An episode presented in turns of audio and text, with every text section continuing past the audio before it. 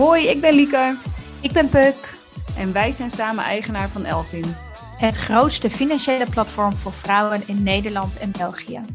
Meld je gratis aan en ontmoet duizenden andere vrouwen. Zie de link naar het platform in de show notes. Ook kun je ons volgen op social media en vind je op onze website dagelijks interessante content. Leuk dat jullie allemaal weer luisteren naar de Elvin podcast. Lieke hier vandaag en ik zit met Chantal Mulder, waar ik heel blij mee ben, want ik volg haar best wel lang op Instagram. Ja, ik ben eigenlijk een soort van fangirl, Chantal, weet je? En Chantal is van My Way to Fire en zij heeft onlangs ook haar baan in loondienst opgezet. Wat natuurlijk een enorme trigger voor me was, want ik dacht, hoe doe je dat? Chantal, hoe doe je dat? Dus eh, daar gaan we het vandaag vooral over hebben. En ehm, ja, ik ben eigenlijk benieuwd naar alle tips en tricks. Dus vertel eerst eens iets over jezelf. Hoe, eh, wie ben je? En, eh, Nou, ik wat ben- doe je? ik, ben- ik ben dus Chantal, ik ben 28 jaar. Eh, ik woon in Zuid-Holland, vlakbij Rotterdam. Ik ben inmiddels 11 jaar samen met mijn man en waarvan 7 jaar getrouwd. Ehm, we hebben een zoontje van 5. En ehm, in het dagelijks leven, eh, nou ja, run ik dus eh, mijn blog en mijn Instagram kanaal mywaytofire.nl. Ehm, ik heb verschillende side hustles, ehm, waarmee ik eh, op dit moment mezelf vermaak en ook inkomsten genereer. En ja, verder ben ik sinds november, nou ja, wat je zei, hè, gestopt met werken. En sinds oktober vorig jaar zijn wij ook hypotheekvrij. En eh, ja, de afgelopen jaren hebben wij dus eh, ja, gewerkt aan, eh, aan financieel vrij te worden. En nou, ik ben nu dus zeg maar op het punt beland dat ik ja, eigenlijk gewoon kan doen wat ik zelf leuk vind. Ja, en dan ben je 28 jaar. ja. Ja. ja, volgende week 29, Ja, maar... oké, maar dat, ja, ja, precies. ja, super ja. interessant ook. Maar ik, ik was eigenlijk wel benieuwd, wat was het moment dat je dacht, dit gaan wij doen? Eh, je bedoelt echt onze reis naar Fire starten? Ja, of eigenlijk gewoon überhaupt dat je dacht, oh, als ik nou slimmer met mijn geld omga of anders met mijn geld omga. Is er een soort van moment geweest of is het gewoon een soort van geleidelijk proces geweest dat je dacht, oh, dit is slim, oh, dan is dat ook slim. Ja, nou, het is sowieso een proces geweest van ehm, ja, beginnen met ehm, inzicht te krijgen tot besparen en dat zeg maar zo uitbreiden naar, eh, naar investeren. Ehm, maar ik, ik merk wel dat als ik erop terugkijk, dat er wel een bepaald moment is geweest dat ik dacht, hé, hey, geld is wel belangrijk. Of in ieder geval, dat gaat wel een, een rol spelen, zeg maar. En eh, toen was ik, eh, ja, ik denk een jaar of acht. En eh, nou, mijn vader die heeft, ik heb nog een broertje en mijn vader die heeft ons alleen opgevoed als alleenstaande ouder. En wij waren vier toen we bij hem kwamen wonen. En nou ja, hij heeft er altijd voor gezorgd dat we niets tekort kwamen. Ehm, maar toen eh, zaten we in, in de auto en we waren net op eh, zomervakantie geweest, twee weken naar Italië. Mijn vader is net als ik helemaal Italië gek, dus eh, nou, daar heb ik het dan waarschijnlijk ook vandaan.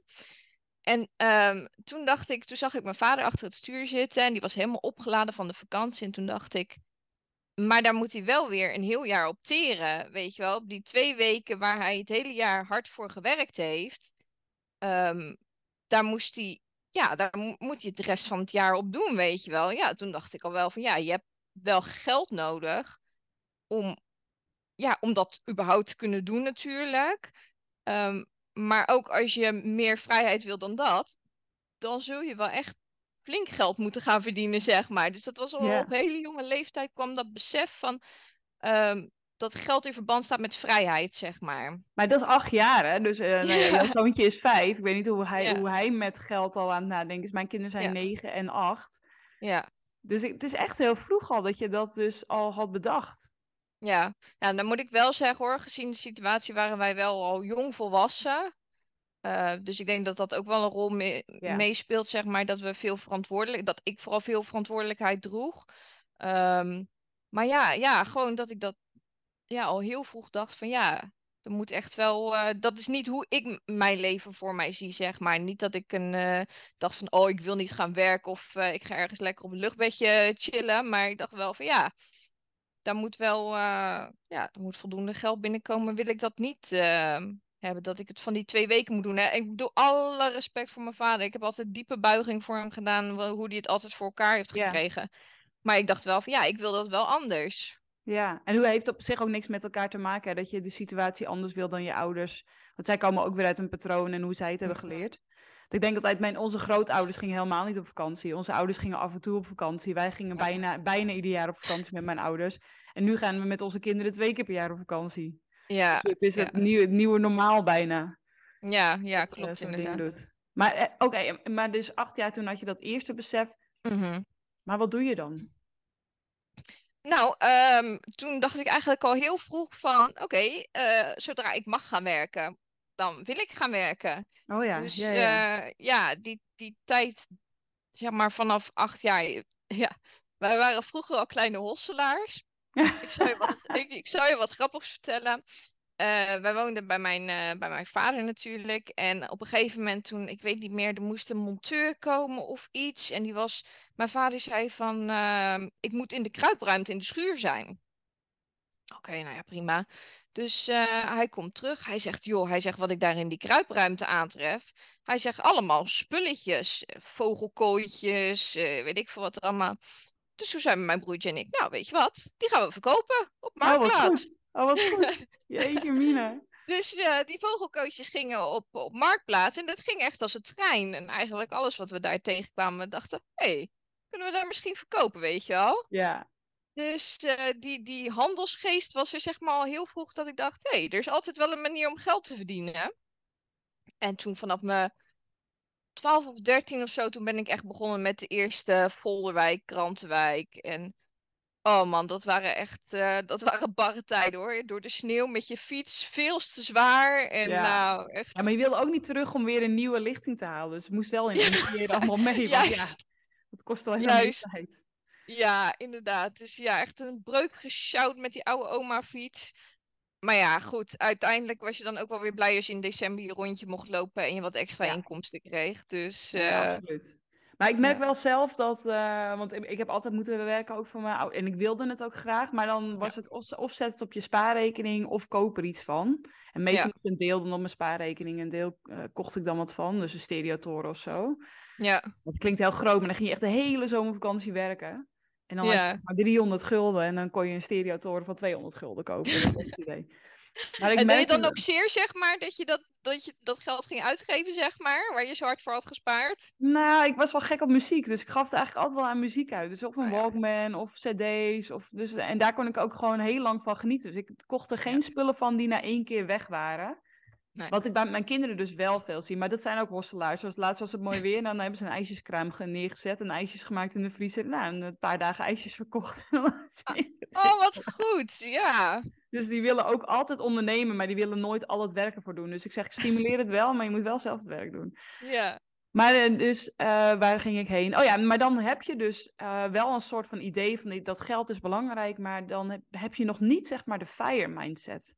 Nee. Dat vind ik toch nog wel weer, dat, want dat is nog weer een stap, zeg maar. De eerste stap begint bij het geld belangrijk maken, geld verdienen. Ja. Maar de tweede stap is dat je leert hoe geld werkt. Hoe heb jij dat geleerd? Ehm, bij ons was dat door noodzaak te creëren. Ehm, we waren op een gegeven moment op het punt dat we gewoon van onze salaris gewoon eh, leuk konden leven en prima. En toen gingen we trouwen, of tenminste, toen had mijn man mij ten huwelijk gevraagd en toen gingen we daar plannen voor maken. Toen dachten we zo, dat kost best wel geld, zeg maar. En ehm, met ons uitgavenpatroon wat we toen hadden, toen ja, wisten we gewoon van nou ja, dat, daar gaan we het gewoon niet mee redden. Dus ja, daar was noodzaak gecreëerd. We wisten wanneer we wilden trouwen. We wisten welk bedrag we moesten hebben. Dus ja, dan ga je onderzoeken van wat er allemaal mogelijk is. En dan ga je, ja, in eerste instantie kijk je natuurlijk naar wat je eventueel kunt besparen. Of ja, maar daar zit ook een max aan. En toen we zeg maar in die periode zaten dat we aan het opbouwen waren, toen dachten we, hé, hey, we kunnen van ons salaris eigenlijk nog best wel goed sparen. Ehm, ja, en toen ging ik op een gegeven moment. Ik ging een boek Rijk worden voor Dummies lezen. Oh ja, ja, ja. Want ik dacht van ja, daar komt het eigenlijk wel een beetje op neer, toch? Ja, rijk zijn heb je in, in heel veel verschillende vormen. Maar ik dacht wel van, eh, ja, hoe doen anderen dat, weet je wel? Want Ja. ja, ik bedoel, eh, net zoals hier op de dijk eh, staan schitterende woningen, waarvan ongetwijfeld mensen wonen die eh, best wel eh, wat centjes hebben. En dan denk ik, ja, hoe hebben die dat gedaan? Zijn die Ja. allemaal medewerker bij een bank of... eh, Nou ja, en toen eh, eh, kwam ik dus in aanraking met het fenomeen van geld voor je laten werken. En vanuit daar is dat balletje eigenlijk steeds verder gaan rollen van, ja, dat onderzoeken zeg maar, van wat houdt dat dan in, geld voor je laten werken en hoe doe je dat? Want ja, ik had geen idee. Ik kom ook helemaal niet uit een familie waarbij er over geld gesproken wordt of, of beleggen, zeg maar. Dus ja, dat moet je allemaal zelf gaan onderzoeken. En Ja. ja, dan stuit je op steeds meer eh, mogelijkheden.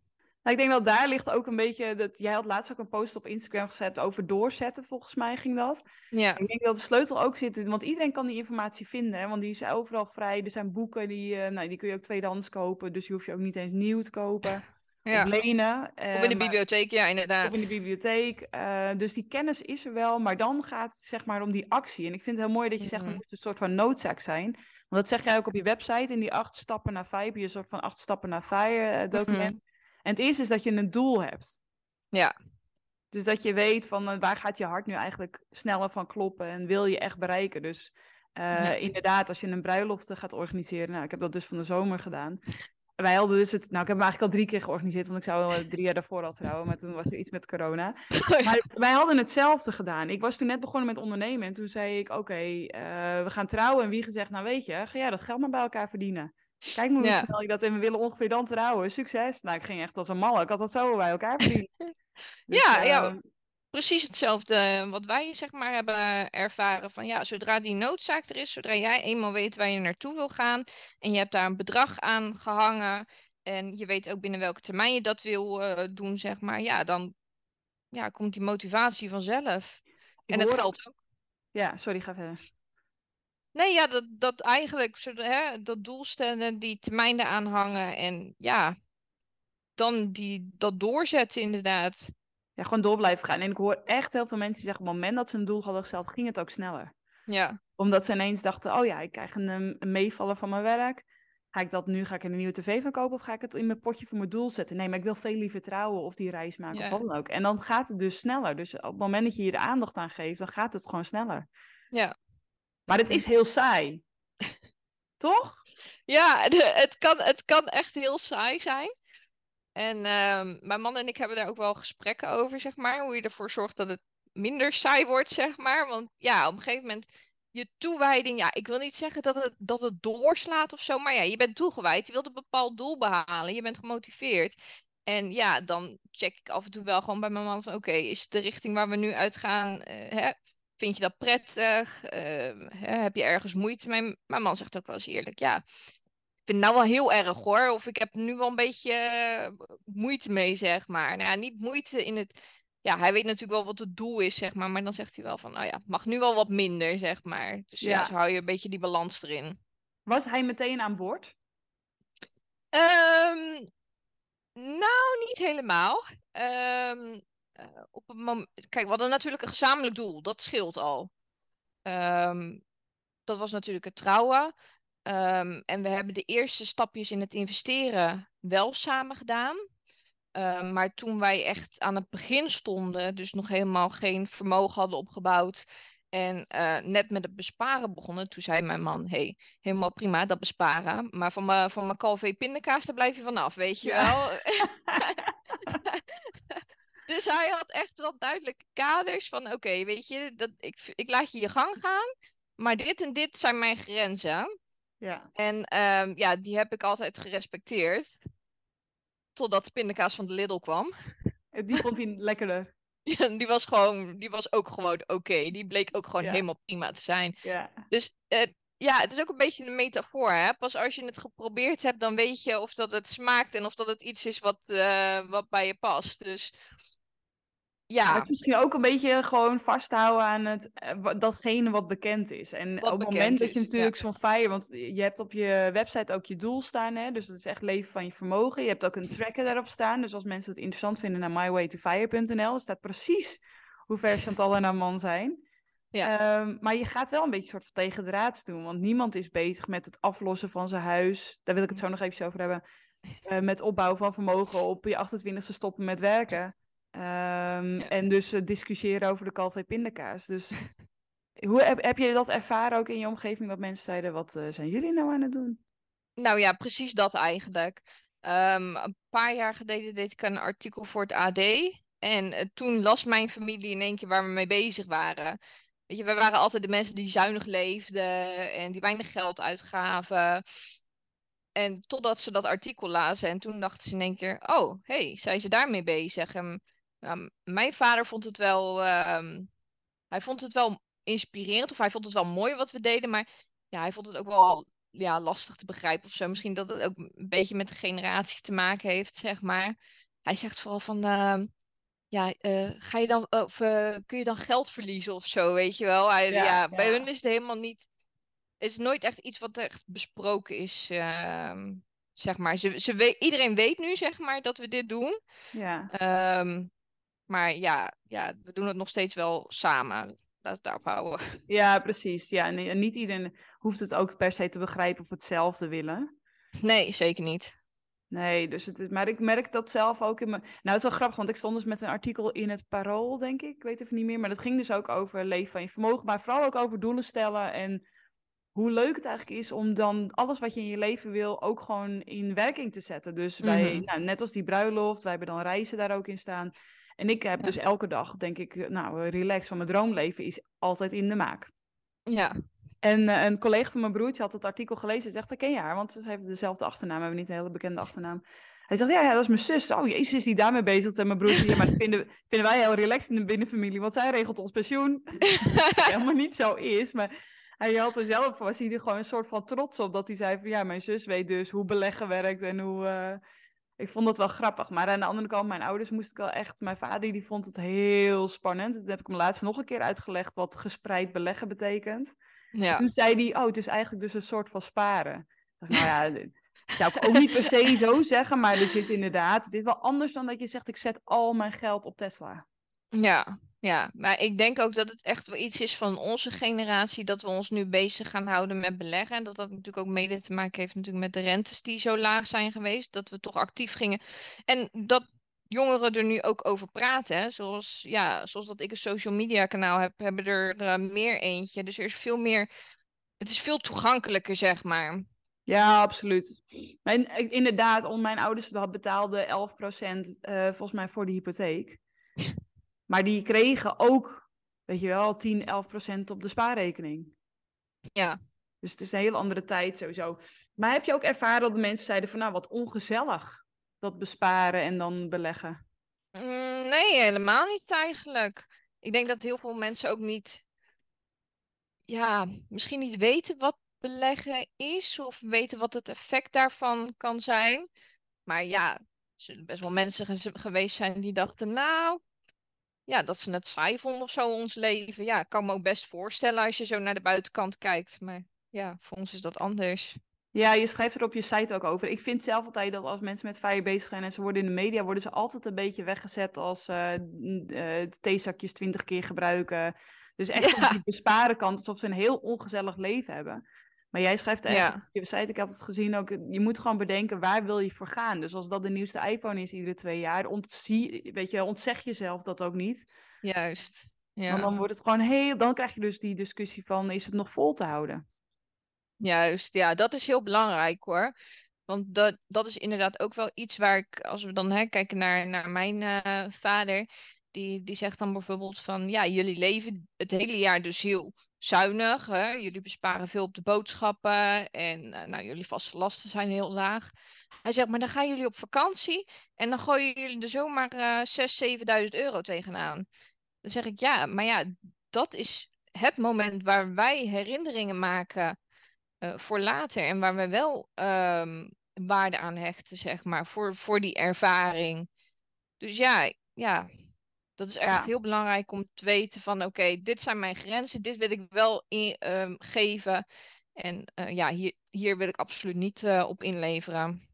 Nee, dus eigenlijk is het ook, het is ook een stukje persoonlijke ontwikkeling natuurlijk als je met geld aan de slag gaat. Ja, ja, zeker. Heb je ook het idee dat je zelf gegroeid bent als persoon, omdat je dus zo goed ging leren wat je wel en niet wilde? Um, ja, nou ja, dat sowieso. Um, je leert grenzen stellen. Um, en ook als je bijvoorbeeld wordt meegevraagd naar een uitje of een etentje waarvan je denkt, ja, ik weet niet, mijn budget deze maand dat je ook gewoon durft te zeggen, je voelt die groepsdruk niet meer zo, zeg maar. Ik voel me heel comfortabel om te zeggen, nou, kom deze maand even niet zo uit, zeg maar. Ja. Dus ja, ik denk dat je daarin sowieso wel groeit door je grenzen aan te durven geven. Ehm, ja, en ik heb ook wel een beetje meer lak gekregen aan wat anderen van je, van je denken, zeg maar. Ja, je moet ook wel, want je, eigenlijk zet je alles ook naar buiten. Hè? Dus uh, je bent super transparant over uh, dingen die goed gaan, dingen die slecht Mhm. gaan. Uh, Ja. Hoe je geld verdient nu je eh, thuis bent met je blog, met uh, side hustles. Ja. Ja, want jij kan echt overal geld verdienen. ja, ja, nou ja, dat is wel waar het eigenlijk op neerkomt. Ja, ik heb eigenlijk zoveel verschillende manieren gevonden hoe dat er inkomsten binnen kunnen komen. Um, zonder dat ik daarvoor in loondienst uh, hoef te werken. Zoals? Uh, nou ja, ik vul wel eens een enquête in waarvoor je wat punten of euro's kunt verdienen. Um, ik maak veel gebruik van affiliate marketing. Uh, dat mensen zich aanmelden via mij en dat ik daarvoor een commissie krijg. Uh, en dat staat ook wel in lijn met wat je net aangaf van dat ik transparant ben. Dat vind ik voornamelijk het belangrijkste, want ik heb het gevoel dat financiële, financiële influencers toch wel vaak van uh, um, dat er wordt gezegd van ja dat ze snel geld willen verdienen van anderen zeg maar, Ja, of ja, dat ze daardoor anderen benadelen en dat soort dingen. En juist door transparant te zijn in alles, hè, dus niet alleen over mijn inkomsten over affiliate marketing, maar bijvoorbeeld ook uh, beleggingen die niet goed zijn gegaan of hè.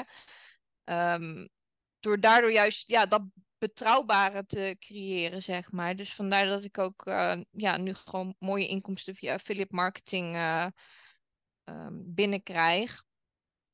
En um, ja, dat gebruik ik echt alleen producten die ik zelf ook gebruik. Dus als, Ja, ik, een, uh, uh, als ik een bepaalde enquête site gebruik, die ik heel prettig vind, ja, dan ga ik dat eerst zelf uh, natuurlijk uittesten en dan pas delen. Dus nou, affiliate marketing hebben we dan. Nou, ik krijg dividend binnen vanuit mijn Ja. aandelen. Ja.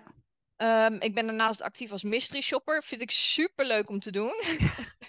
je, komt, je komt echt overal en je ontmoet de leukste mensen. En um, ja, vooral om, om bij te dragen aan, um, aan de klantbeleving vind ik heel erg leuk. Dus ik zie het ook absoluut niet als werk. maar ja, je krijgt er wel net zoals uh, vanmiddag ga ik uh, gratis sushi bestellen. Nou ja, super lekker. Ja. En uh, dus ja, zo heb ik wel geleerd door al die dingetjes bij elkaar te voegen. Omdat, en nou, die inkomsten van die affiliate marketing, die gaan dan weer naar mijn dividendaandelen. En dan Ja, zo laten ja, we die ja. ook weer verder groeien. Dus ja, maar ik moet wel zeggen, kijk, op dit moment heb ik niet zoveel inkomsten dat ik kan zeggen, zo kan ik echt even royaal van leven. We hebben nu gewoon zoveel inkomsten gegenereerd dat we de vaste lasten kunnen betalen, die al heel laag zijn. Um, maar zou je echt wel groter willen leven, ja, dan moet je wel zorgen dat die inkomsten natuurlijk ook uh, omhoog gaan. ja, zeker. Maar dit zit dus ook uh, niet alleen in het besparen, maar het zit dus ook in het geld verdienen. Ja, ja dat hele molentje van geld verdienen, geld weer aan het werk zetten en dat geld wat daar weer uitkomt weer aan het werk zetten. Ja, ik had een, uh, was wel, denk ik in een van de beginperiodes dat My Way to Fire echt bekender werd. Toen had ik een interview met een, uh, met een journalist en die zei van, uh, hoe zie jij geld voor je? Dus toen zei ik, nou, ik zie mijn euro's iedere dag om negen uur hier de deur uitlopen met zo'n aktentasje. En ik komen s'avonds rond tien uur komen ze weer terug. En dan de ene dag kijken ze blij, dan hebben ze geld verdiend. En de andere dag kijken ze minder blij, dan was het een slechte dag op de beurs. En zo zie ik zeg maar hoe, hoe geld voor me werkt, zeg maar. Ja, super grappige metafoor, want ik ben zelf dus ook een sukker voor de kleine getallen. Ja. Dus ik kan ook echt uh, berekenen van, nou oké, okay, als ik dus inderdaad dividendaandelen koop en ik koop er eentje meer omdat ik met mijn enquêtes eentje extra kon kopen die maand, dan leven die over 30 jaar ja. dit op. En dan is het niet Ja. meer zeg maar 3 cent omdat die dan dividend uitkeert één keer per kwartaal. Maar dan is het ineens, holy fuck, dat is gewoon een maand je hypotheek eerder aflossen, een maand eerder die vaste lasten weg of misschien een maand eerder stoppen met werken. En dan wordt het ineens heel tastbaar. Ja, ja, en dat is dat grote plaatje wat je wel moet kunnen zien. Ja, Dus ja want die- anders ga je, denk je het is niet de moeite waard om met 20 euro te beleggen. Ja, Juist, inderdaad. En als je al die kleine bedragen, want hey, je kunt zeggen van, nou, als ik, eh, weet ik veel, eh zes, zeven enquêtes heb ingevuld, dan krijg ik daar een bon voor voor 5 euro. Kun je zeggen, ja, hè, die 5 euro. Maar dat is inderdaad precies wat jij net zegt. Ga die 5 euro eens 30 jaar lang aan het werk zetten. Ja. Dan ja, ik bedoel, die 5 euro heb ik al extra verdiend. Nou ja, Ja, haal daar nog was eventjes... er niet. Juist, Ja. inderdaad. En haal daar eventjes, nou ja, je inkomstenbelasting vanaf en eh, je zorgverzekeringsbijdrage. Nou ja, zeg dat de helft overblijft. Dan heb je die 2,50 euro heb je wel mooi extra verdiend. Dus ja, Ja. als je die kwijtraakt, dan ja, hij was toch al extra, weet je wel. Ja, het is mooi om te zien dat die, dat die gaat groeien. Maar ja, als die uiteindelijk niks waard wordt, ja, dat is toch extra. Ja, en als hij nou 200, hij wordt 200 euro over 30 jaar of 500 euro. Dat, eh, Volgens mij moet je een keer 500 doen, maar dat, ik heb het een keer nagerekend. Dat was erg eh, ambitieus.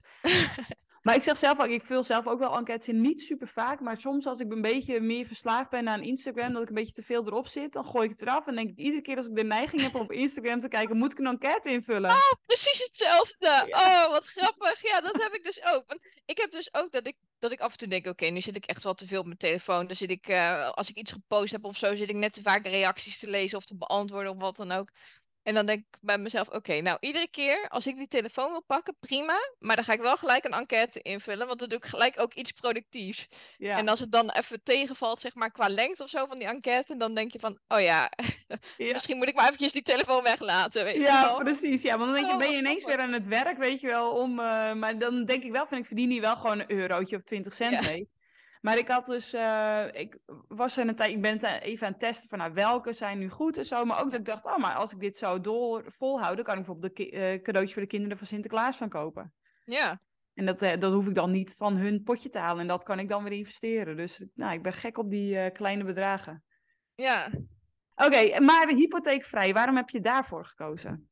ja, goh. Dat heeft ten eerste te maken met spreiding.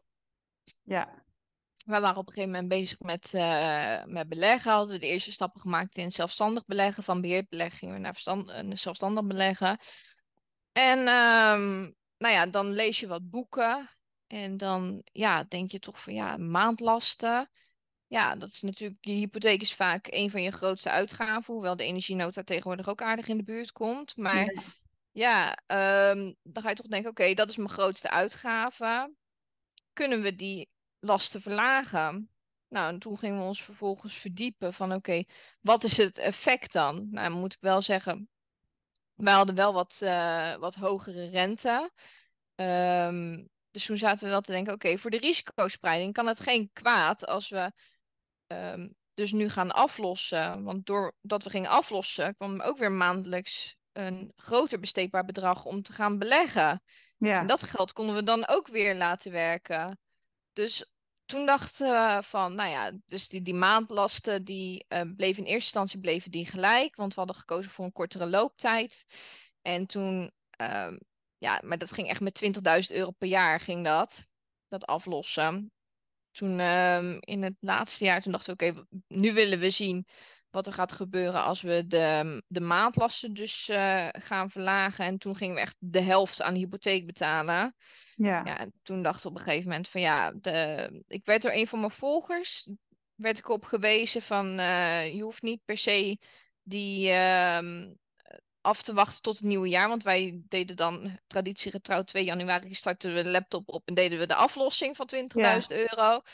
Hij zegt, maar je kunt ook aan het einde van je rentelooptijd, kun je ook het volledige bedrag aflossen. Nou, ging voor mij een wereld voor me open. Dus wij waren onze datum verschoof van oktober, of in ieder geval van januari naar oktober, dus een paar maanden eerder. Dus dat was sowieso al lekker.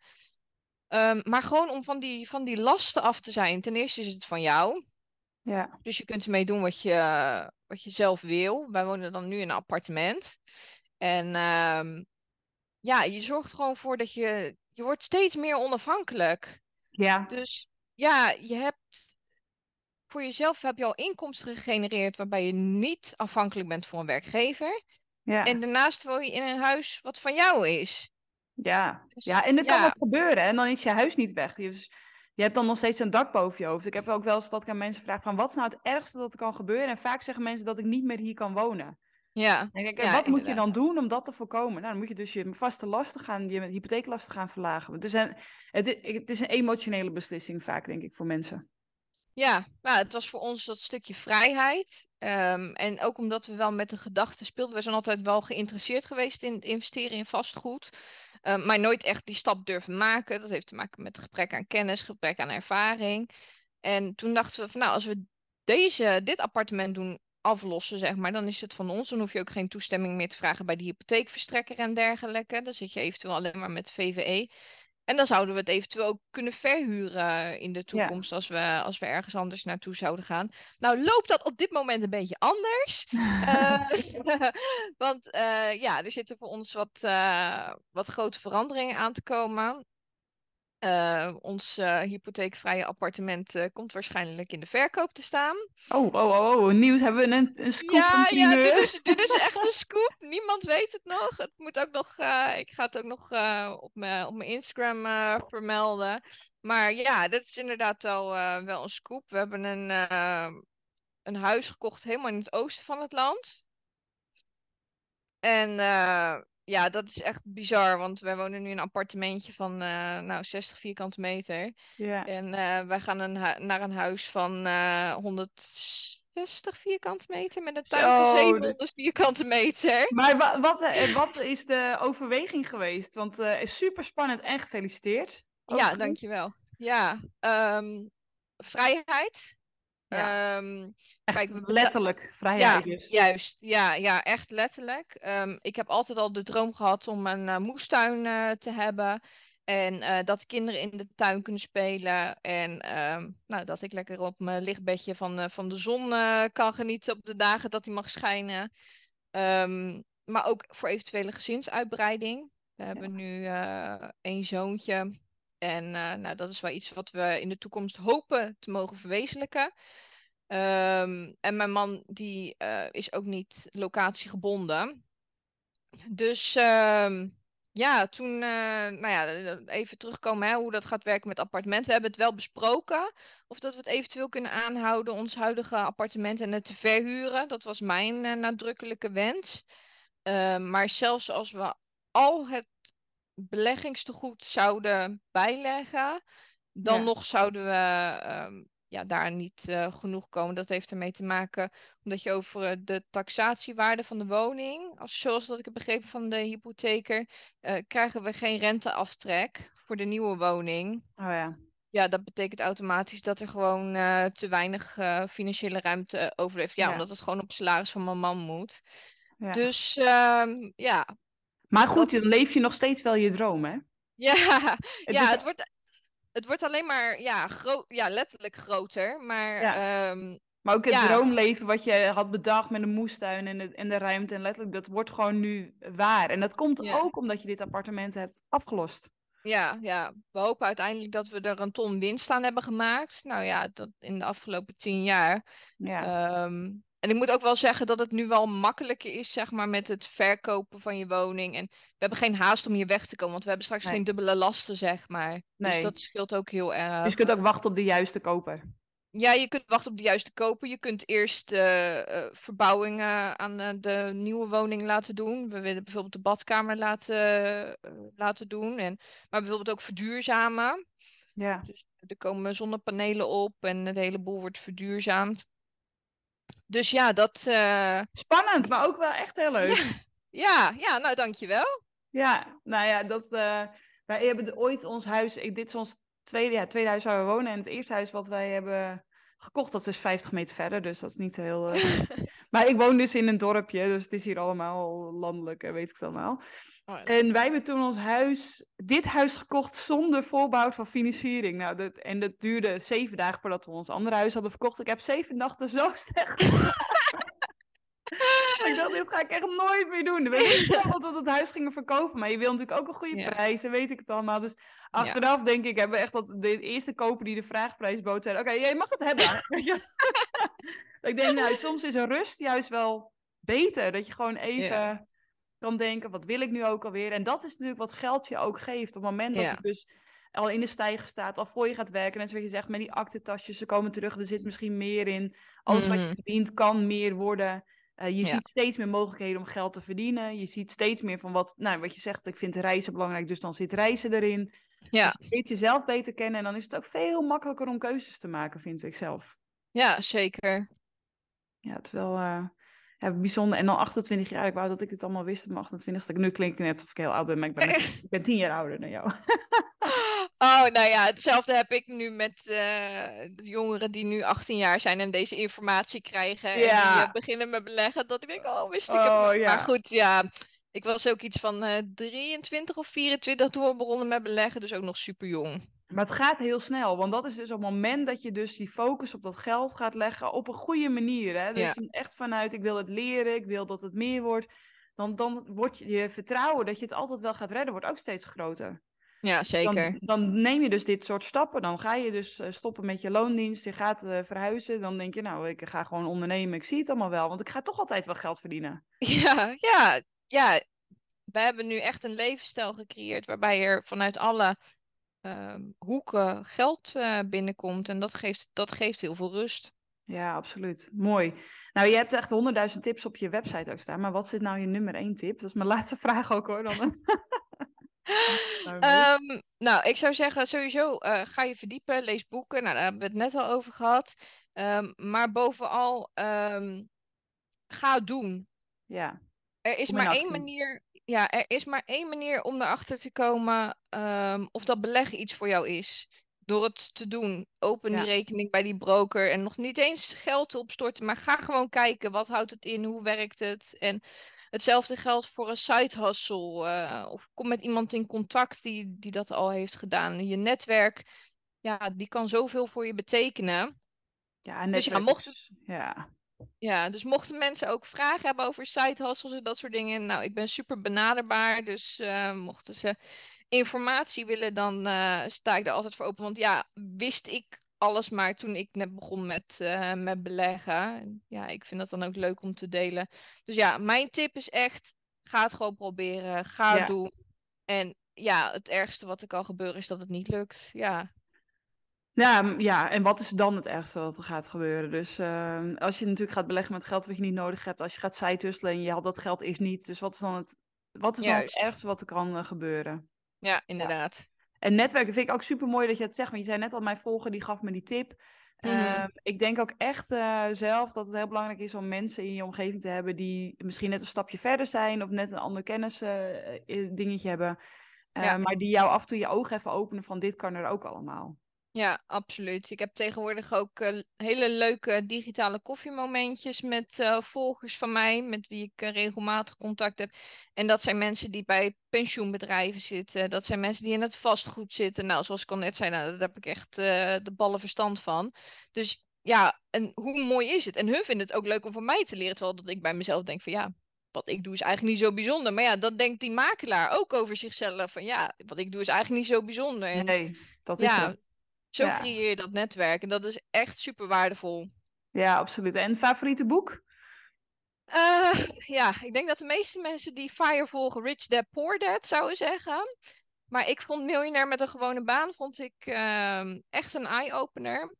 Eh, ook omdat hij in het Nederlands, eh, door een Nederlandse schrijver is geschreven. En volledig toepasbaar op, ehm, eh, op de Nederlandse markt, zeg maar. Ja, je ja. ziet in heel veel van die Amerikaanse boeken zie je eh, bepaalde pensioenstelsels die niet overeenkomen en dat soort dingen. Ja. En inkomens die totaal uit, eh, uit verband zijn eh, ten opzichte van het Nederlands. Dus ik vond dat wel een hele goede en een hele toepasbare. Eh, Heel, hij leest ook heel fijn weg, vond ik zelf. Ja, ja zeker. Ja, ik eh, dit sluit me daar. Het is niet mijn favoriete boek, want dat is eh Jensen Zero met. eh, nou, weet ik even de titel helemaal niet meer naar mijn hoofd.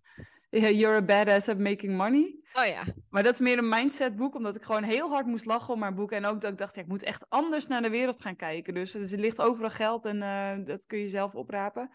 Maar ik vond dit, die ook heel goed inderdaad. En eh, nou ja, goed, we hebben duizend tips zitten.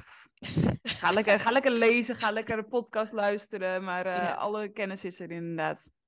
Nou, super Chantal, ik vond het echt een heel leuk gesprek. En nou ja, nogmaals gefeliciteerd met die mooie stap ook weer. En ehm, ja, oh, nog één dingetje. Ik zat te denken, volgens mij heette jouw Instagram-account eerst anders, toch? Ja, klopt. Ik Weet ben eh, vorig jaar van eh The Real Dutch Cheapskate naar mywaytofire.nl gegaan. En dat had er meer mee te maken dat, het niet, dat ik niet meer echt de nadruk op het besparen wil leggen. Maar meer ook op het vermogen opbouwen, zeg maar. Ja, ja, inderdaad. En nu denk ik, want My Way to Fire past echt, al, echt als een handschoen. Ja. En ik dacht, hoe heette het nou ook alweer? Want ik, ik volgde het al eerder, maar ik dacht, dat was iets met besparen. Maar inderdaad, dat was het. Nou, voor iedereen, ja. kijk op mywaytofire.nl. Er staan supergoeie tips op. Allemaal tips, tricks, artikelen van alles. En uh, Chantal weet zeker hoe ze geld moet maken. Dus, um, en zeker met die aktentasjes als metafoor. Dus uh, yes. dankjewel Chantal en fijne dag nog. Ja, dankjewel. Jij ook.